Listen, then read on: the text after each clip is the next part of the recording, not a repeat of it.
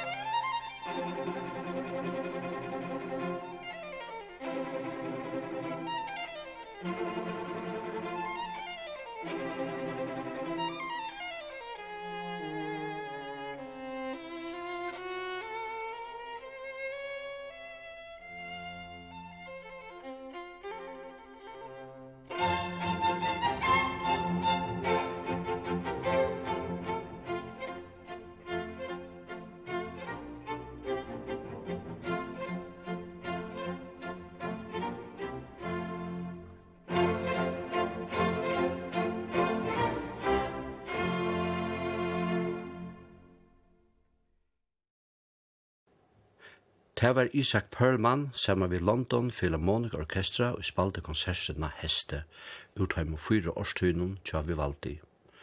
Og fra tog kunne vi vist sia at vi færa ivi til ekvelig ørvise klingande musikk. Det er franske tøvnasmyren Claude Debussy som hever skriva. Han levde fra 1822 til 1918 og verur ofta sattur som en undangang om over innan ta impressionistiska rake som var framme ta. Debussy hefur skriva nekvan tøvnløyk, og æsne klavertøvnløyk, og urikvene kan jeg nevna hans er tver bøker ved preludium, hver bøk ved tolv preludium. Vi tver her at høyra nummer 2 ur ærebøk, og kvært hei hetta så vi hesti a gjerra, som jo er tema i usendingen i dag, jo stutta klaverstikje hefur høyde visna leiv, og kanska høyrest hei atter i olvarsom og tøvnen det er Francesco Piemontesi og spiller.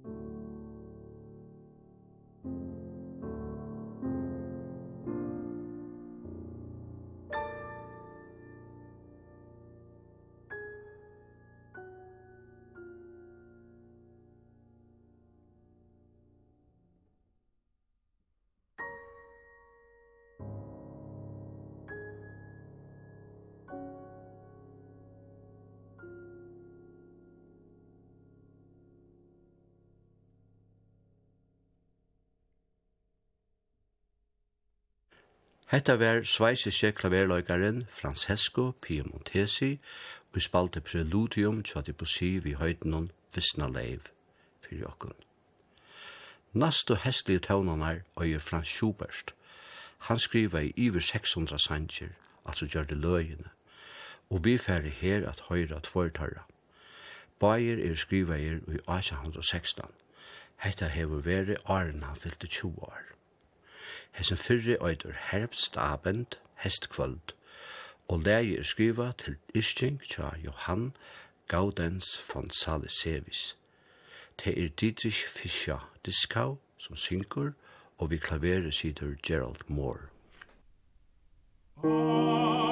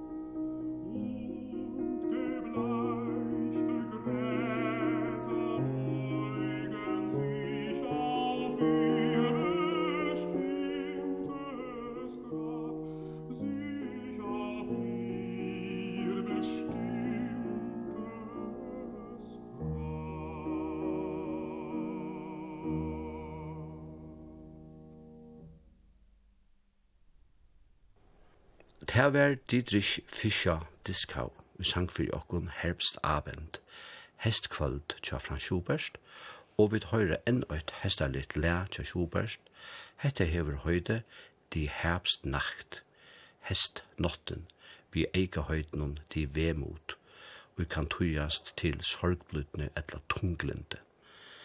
Te er atter hesen Johan Gaudens von Salisevich, og vi hever skriva teksten, og tørbeier Dietrich Fischer Diskau og Gerald Moore som framfører. Mm.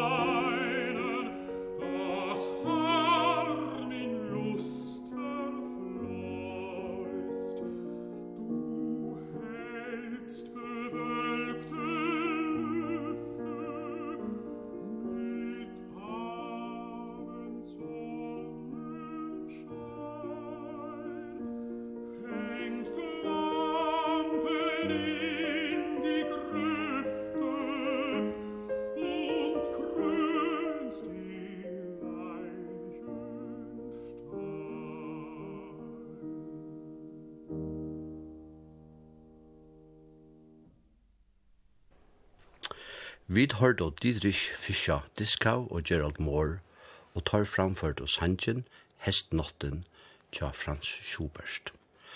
Og så gjerne færa vi iver atter til orkestertøvnlag, og hesefer er den norske tøvnasmyr Edvard Grieg, som levde fra 1843 til 1906 og hever skriva. Og i 1825 skriva i Grieg og en konsert over Tyros og fikk navnet om heste. Ta sikst at Grieg og en ture til Kjeppmannhavnar skulle vise til nekka eldre og sera ekvelige hot virusmetta Nils Vegade verste. Og denen skulle sija vi han at hattar er ikkje godt nok, Fær heim og skriv okkur betre. Så gjerne arrangera i Grieg over styrna fyrir klaverduett, sendi hana til hana kapping til Svenska Akademinon, her just samme gade var domare, og vann første premie fyrir average. Såles kan det genka. Jeg har korsten her valgt at høyra opprunalige utgavene, skriva for orkester, så kunne tid òsne sjølve døme om hva tid halda om versk. Og det er VDR Symfoniorkester i Köln under løslo av Eivind Adland og fyrir spela.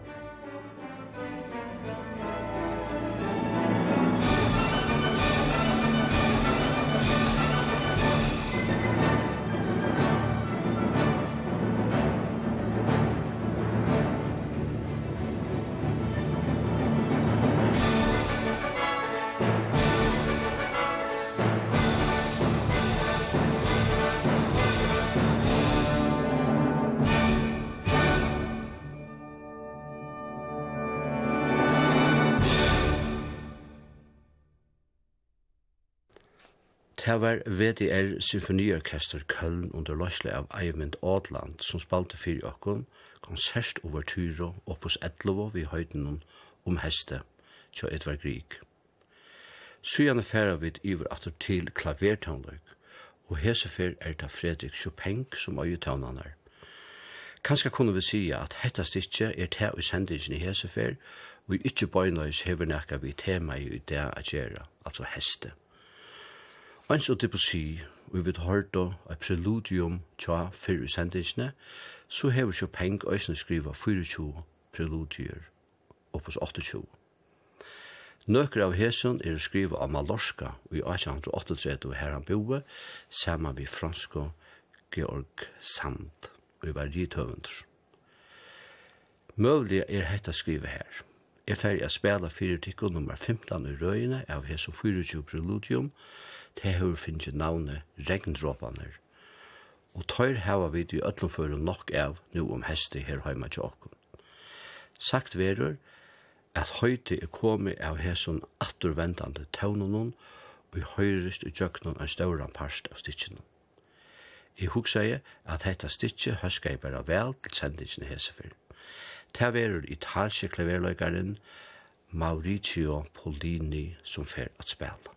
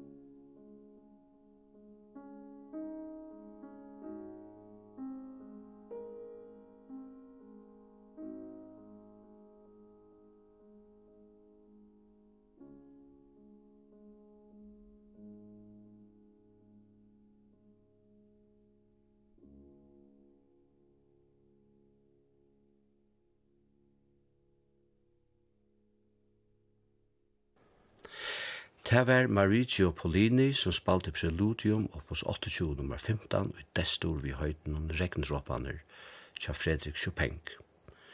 Og vi tver at enda sendingen i det vi ser av vøkron selvotøvnen.